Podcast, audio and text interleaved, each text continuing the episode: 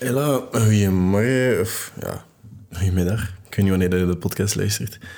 Maar eh, het is blok voor veel mensen. Veel mensen moeten nu studeren. En waaronder ik ook. En veel mensen zijn misschien ook, net als ik, een beetje later begonnen. Ik zei, het is nooit te laat. Zolang je maar begint, het is nooit te laat. Ehm, ik ben vandaag een beetje de blok wat serieuzer beginnen nemen. En wat ben studeren? Ik heb niet zoveel examens meer. Eh, het zijn ook mijn voorlaatste examens. Ik heb herexamens van de zomer, maar ook dat zijn er niet zoveel. Dus het is wel een rustige blok. Maar eh, ja, je hebt het gelezen in de titel. Het gaat eh, vooral over mensen die ietsje sneller afgeleid zijn. Er staat ADHD in de, titel, maar dat, dat wil niet per se zeggen dat, dat ook enkel is voor mensen die ADHD hebben. Ik heb dat bijvoorbeeld nooit op papier staan. Um, ik ben testen gaan doen bij je psychiater ooit. Al heel lang geleden. En ik zouden mij daar heel snel kunnen zeggen dat ik een van de twee heb, ADHD of ADD. Um, ze wisten dat heel snel. ik vond dat wel grappig toen. Maar voor mij was dat genoeg informatie. Ik moest de dag nadien terugkomen. Maar uh, bedweterige Arno vond dat niet nodig. Dus dat staat niet op papier bij mij dat ik dat heb. Nu, jaren later ben ik wel een paar keer in therapie geweest, waarin dat, dat weer bleek dat dat, wel eens goed kan zijn dat ik dat heb. En ik heb daar ook al vaak de nuttige tips voor gehad. Ik heb daar nooit medicatie voor gekregen of genomen. Maar uh, ja, het is misschien ook gewoon voor mensen die heel snel afgeleid zijn. Mensen die niet altijd goesting hebben of heel moeilijk aan de hang geraken voor te studeren of gewoon voor te werken. Dat hangt er vanaf. Dat is misschien ook gewoon voor deze mensen. Dus welkom op tot later. Dit is Arno Zaman en zoals altijd is ik alleen die een podcast inspreekt in mijn bureau en mijn woonkamer. In hand, het is mega mooi weer. Mijn lakens hangen te flapperen in de wind op mijn dakterras. En ik zit hier te studeren, maar ik vind het eigenlijk wel een goede dag. Het is, het is een goed dagje vandaag en ik hoop dat je ook een goede dag hebt. En we gaan erin vliegen. Welkom op tot later. Laat me één ding duidelijk maken. In een maatschappij waar we heel graag stempels plaatsen of heel graag mensen op spectrum zetten uh, voor mij is dat 100% zeker dat ik op spectrum zit. Dat ik op verschillende vlakken op spectrum zit. Ik schaam me daar niet over. Ik vind dat zelfs vaak interessanter. Um, ik heb enorm de drang om dingen te organiseren en op zijn plaats te zetten en labels te geven en te, in te plannen. En dingen inplannen voor mezelf, maar dan plannen met andere mensen, dat, dat is dan weer heel anders, heel veel moeilijker voor mij. Maar ik zit sowieso op spectrum. En heel veel mensen zitten op spectrum. Ik denk dat iedereen ergens wel een soort van op het spectrum zit. Al is dat 0,01% autistische eigenschappen dat je hebt, dat is zeker oké. Dat maakt jou een beetje interessanter. Maar mensen die ADHD hebben of ADD of gewoon afleidingsstoornissen hebben, die, uh, die zijn niet minder slim en die zijn niet minder capabel om te presteren. Die hebben gewoon vaak andere tools nodig en andere manieren van, andere manieren van werken, dat ze vaak gewoon niet weten, dan de meeste mensen. En dat is gewoon omdat hun hersenen iets anders werken. Wat dat een beetje logisch is, want de meeste mensen in de hersenen werken, daar al een paar keer over gepraat. Sommige mensen denken in beelden, sommige mensen denken in horen. Dus die horen stemmen, ik zie mensen spreken in mijn hoofd. Als ik praat over dingen, dan, als ik praat over fles cola, zie ik een fles cola in mijn hoofd. Sommige mensen die, die, ja, die, die, die denken in luisteren, die denken in woorden. Sommige mensen denken met teksten. Die hebben geen in- en. Dus ieder, ieder hoofd werkt anders. En dat is ook logisch. Dus het is ook logisch dat sommige mensen ADD of ADHD... En ik denk, in de podcast uh, waarin dat ik het over, over stimulatie had vorige week... Als je die nog niet geluisterd hebt, dat is een van de podcasts dat ik zeker kan aanraden. Dus na deze podcast kan je die gaan luisteren. Want daar staan wel heel wat nuttige tips in, die ook zeker bruikbaar zijn tijdens blok. Maar ehm, ja, in deze tijd van overstimulatie, ik denk dat het heel logisch is dat de meeste mensen heel snel afgeleid zijn. Want iedere afleiding is zo snel bereikbaar en het is altijd maar een pingetje away. En we moeten daar nooit veel voor doen en we zijn nooit echt verveeld en het is nooit echt stil. Dus het is heel, heel makkelijk om overstimuleerd te zijn, overprikkeld te zijn en het is moeilijk om daarmee om te gaan en dan je te focussen op wat dat echt nodig is. Dus again, als je nog niet geluisterd hebt over stimulatie, dat is een goede podcast. Ik raad die zeker aan. Ik heb daar uh, wat nuttige tips gegeven, nuttiger dan de meeste podcast. Maar hier houden we ook aan vliegen. Ik heb vijf tips voor mensen die ietsje sneller afgeleid zijn en willen studeren.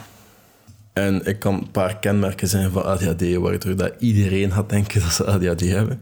Dus het is, het is zeker niet zo moeilijk om je op dat spectrum te plaatsen. Het is moeilijkheid om je te focussen. Je hebt heel moeilijk om je concentratie te, te houden voor een lange tijd. En je bent heel snel verveeld en heel snel afgeleid. Dat is heel kort gezegd. Uitstelgedrag is standaard. Dat, dat is jouw basiskenmerk als het gaat om taken en deadlines behalen. Je gaat dat uitstellen tot het laatste moment. Time management, dat is iets waar je heel veel tijd alleen al aan moet spenderen om daar goed in te worden, om je tijd te kunnen managen. En je wordt angstig en soms schrikken deadlines en planningen en het basisconcept studeren, dat schrikt je alleen al af. Again, dat zijn eigenschappen waarin daar heel veel mensen zich gaan vinden en niet noodzakelijk ADHD hebben. Maar ik denk dat deze tips wel bruikbaar kunnen zijn. En de waarheid is, iedereen heeft van die kenmerken. Iedereen stelt uit, iedereen heeft moeilijkheid met...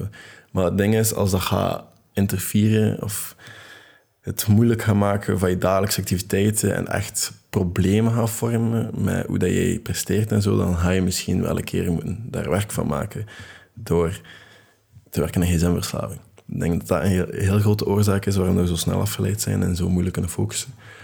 Maar ook bijvoorbeeld gewoon, soms is dat gewoon jij die, die niet bewust bent van hoe dat je werkt en hoe dat je hoofd werkt. En dan kan ik wel aanraden om een keer langs te gaan bij een psychiater en een screening te doen voor ADHD, ADD, ASS, whatever.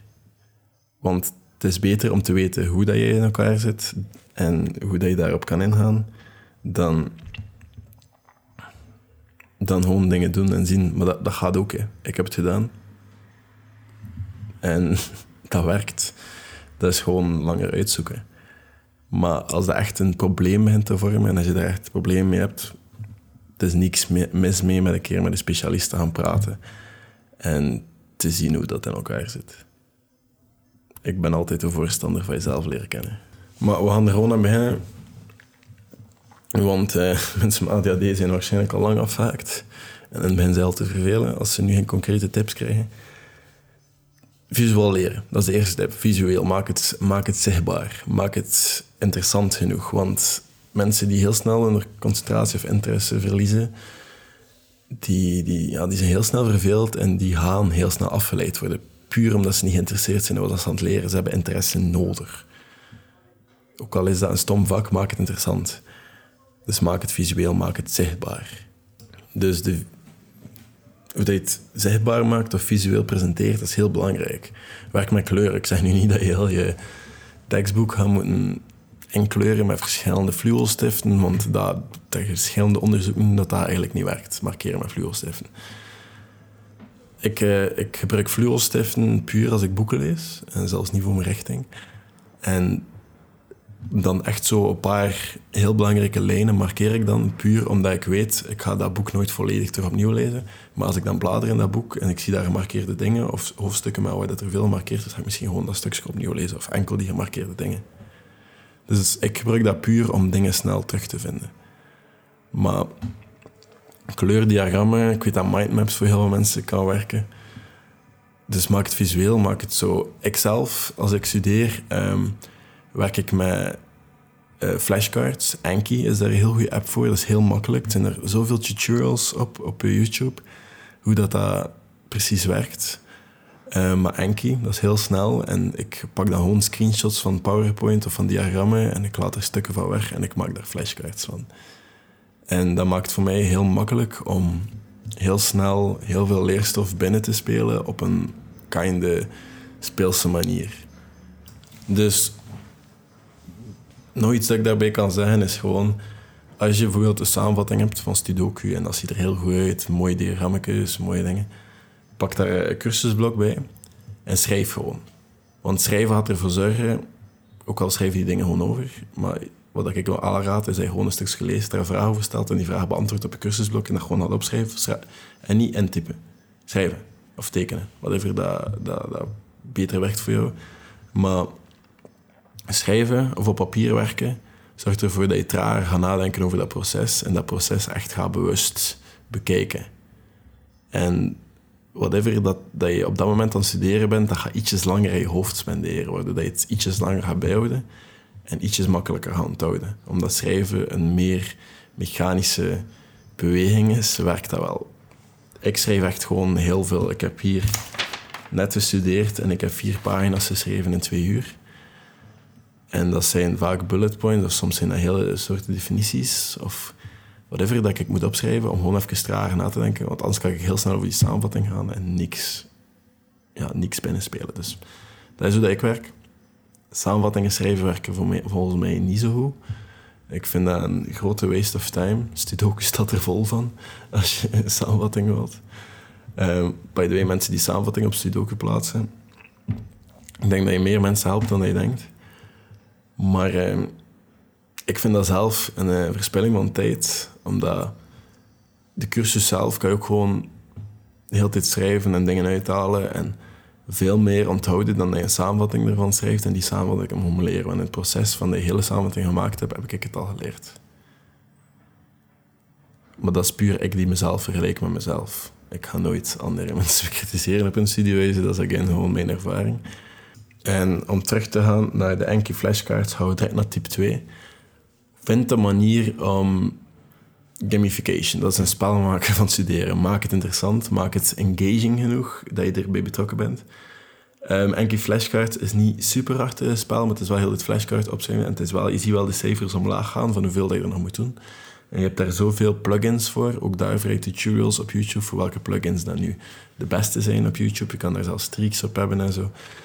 Waardoor dat misschien wel een kind of gamification is, omdat je die streak niet wilt verliezen. Uh, Jerry Seinfeld, een van de sitcoms dat ik echt graag zie, um, dat is een comedian en die schreef een mop per dag. En dat, dat was gewoon simpel door een kalender aan zijn deur hangen. En iedere dag zette hij een kruisje op de dag dat hij een mop had geschreven. En na een tijdje wou die gewoon die streek niet verliezen, omdat al die kruisjes er goed uitzagen. En zo simpel als dat, die dingen werken. Dus maak er spel van. Ik heb uh, eindelijk het boek Make Time uitgelezen, wat dat mij brengt naar tip 3. En dat is uh, movement. Energie balanceren is zodanig belangrijk. Um, er is een reden waarom dat koffie drinken, als je moe bent, dat het te laat is. Um, dat is een heel lange uitleg, maar ik ga het heel kort houden. Dat is gewoon Um, er is een zo'n bepaalde moleculen in je hersenen dat ervoor zorgt dat je moe wordt en dat je gaat willen slapen.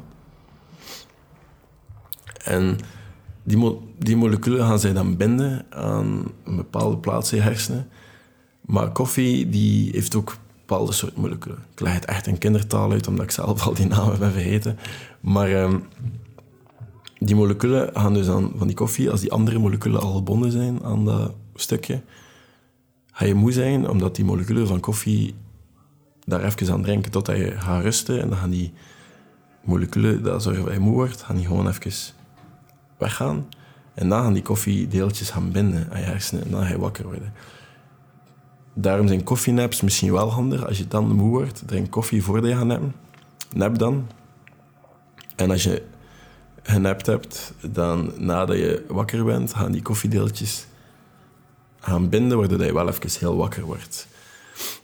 Maar als je zo weet, rond drie, vier uur heb ik een dipje, dat ik daar straks quiz sta. Dus om één uur ben ik, heb ik koffie gezet, ben koffie gaan drinken. Maar er zijn zoveel manieren om energie te, te krijgen. Um, je, moet geen, je moet geen held daarin zijn, al is dat 10 minuten gaan wandelen. Uh, tussendoor, even naar buiten. Of doe je 20 push-ups. Er zijn genoeg hit-workouts waarin je drie oefeningen, push-ups, pull-ups of squats. Of je moet zelfs geen pull-ups doen, je kan gewoon een stoel opheffen, whatever dat je doet. En die in 20 minuten workouts even heel extreem, even heel hard gaan.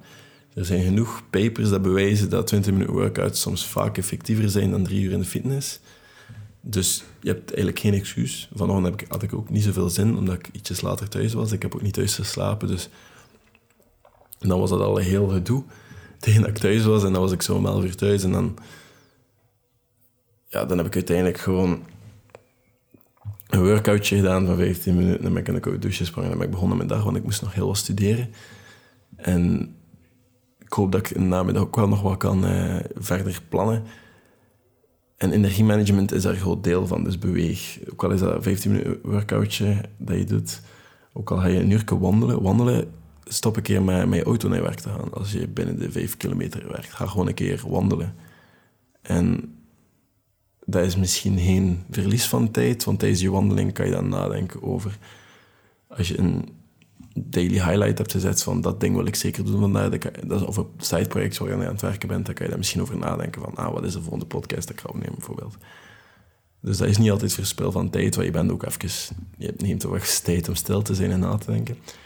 Maar beweging en je energie managen is een van de grootste tips dat ik kan geven. Om als je moe bent, ga je iemand die heel snel afgeleid is, ga je zeker niet jezelf kunnen aanstellen om te studeren. Dus manage je energie. En dat is gewoon trial and error en op een duur word je daar wel beter in. Ja, en dan de tip die er wel zou aan te komen. Tip 4 is afleidingen gaan verwijderen van je ruimte. Maar er is een, een, studie die zegt dat wij beter studeren in de omgeving van andere mensen. Dus in bibliotheken of in zo'n studieruimtes. Voor mensen met ADHD of mensen die snel afgeleid zijn, is dat niet de beste ruimte. Ik ga echt mensen gaan bekijken. Ik ga iedere klik van een pen horen. Ik ga iedere blad omdraaien horen. En ik ga dat ook allemaal zien. Ik ben heel snel afgeleid en dat is misschien niet de ideale ruimte. Maar die papers, voor heel veel mensen zeggen gewoon omdat in de prehistorie, als we alleen zijn, voelen we ons onveilig. Daarom is alleen studeren thuis. Dat zorgt ervoor dat je ook alert moet zijn over je omgeving. Dus je gaat ook heel wat geluiden van je omgeving gaan horen. En als er zoiets nieuws is, ga je het telkens horen. Bijvoorbeeld, plots is er zo een keusmachine in je straat, je gaat dat horen, omdat dezelfde omgeving is en het is een nieuw geluid. Daarom is heel verandering van omgeving, bijvoorbeeld in een koffieshop gaan zitten, heel goed omdat je andere mensen ziet in de omgeving. En dat zorgt ervoor dat je veiliger voelt en dat je wel kan focussen op wat je aan het werken bent. Heel logisch, maar voor mensen met ADHD of mensen die snel afgeleid zijn, is dat niet altijd de juiste keuze. Wat ik daar wel aan raad, is echt gewoon een stille plaats in je huis, in je appartement of in je tent, dus noods waar dat je woont, gaan, gaan zitten en dan stil zijn. Zet dus noods van die heel kalm, rustige muziek op. Ik heb een, ik heb een eigen playlist, Study Without These Man waarin dat je film underscores kan horen. De eerste keer dat je heel die playlist gaat luisteren, ga je een beetje afgeleid zijn, omdat je gaat willen weten van waar al die filmscores of seriescores komen, want ze hebben bijvoorbeeld ook liedjes van Game of Thrones. Maar als je die playlist een paar keer hebt gespeeld, voor, voor, voor mij toch, werkt dat wel heel goed. En zorg dat er niks anders op je bureau ligt dan wat je moet studeren. Zorg dat je bureau, dat je pc, dus nou de wifi daarvan uitstaat en dat enkel de samenvatting van de studie dat je moet studeren erop staat dat je even geen internet gebruikt. En dat er cursusblok voor je neus ligt en niks anders. Je gsm ligt zes kamers verder. En er staat enkel een glas water voor je neus, een pen, een cursusblok en de samenvatting. En, of de cursus en de powerpoints.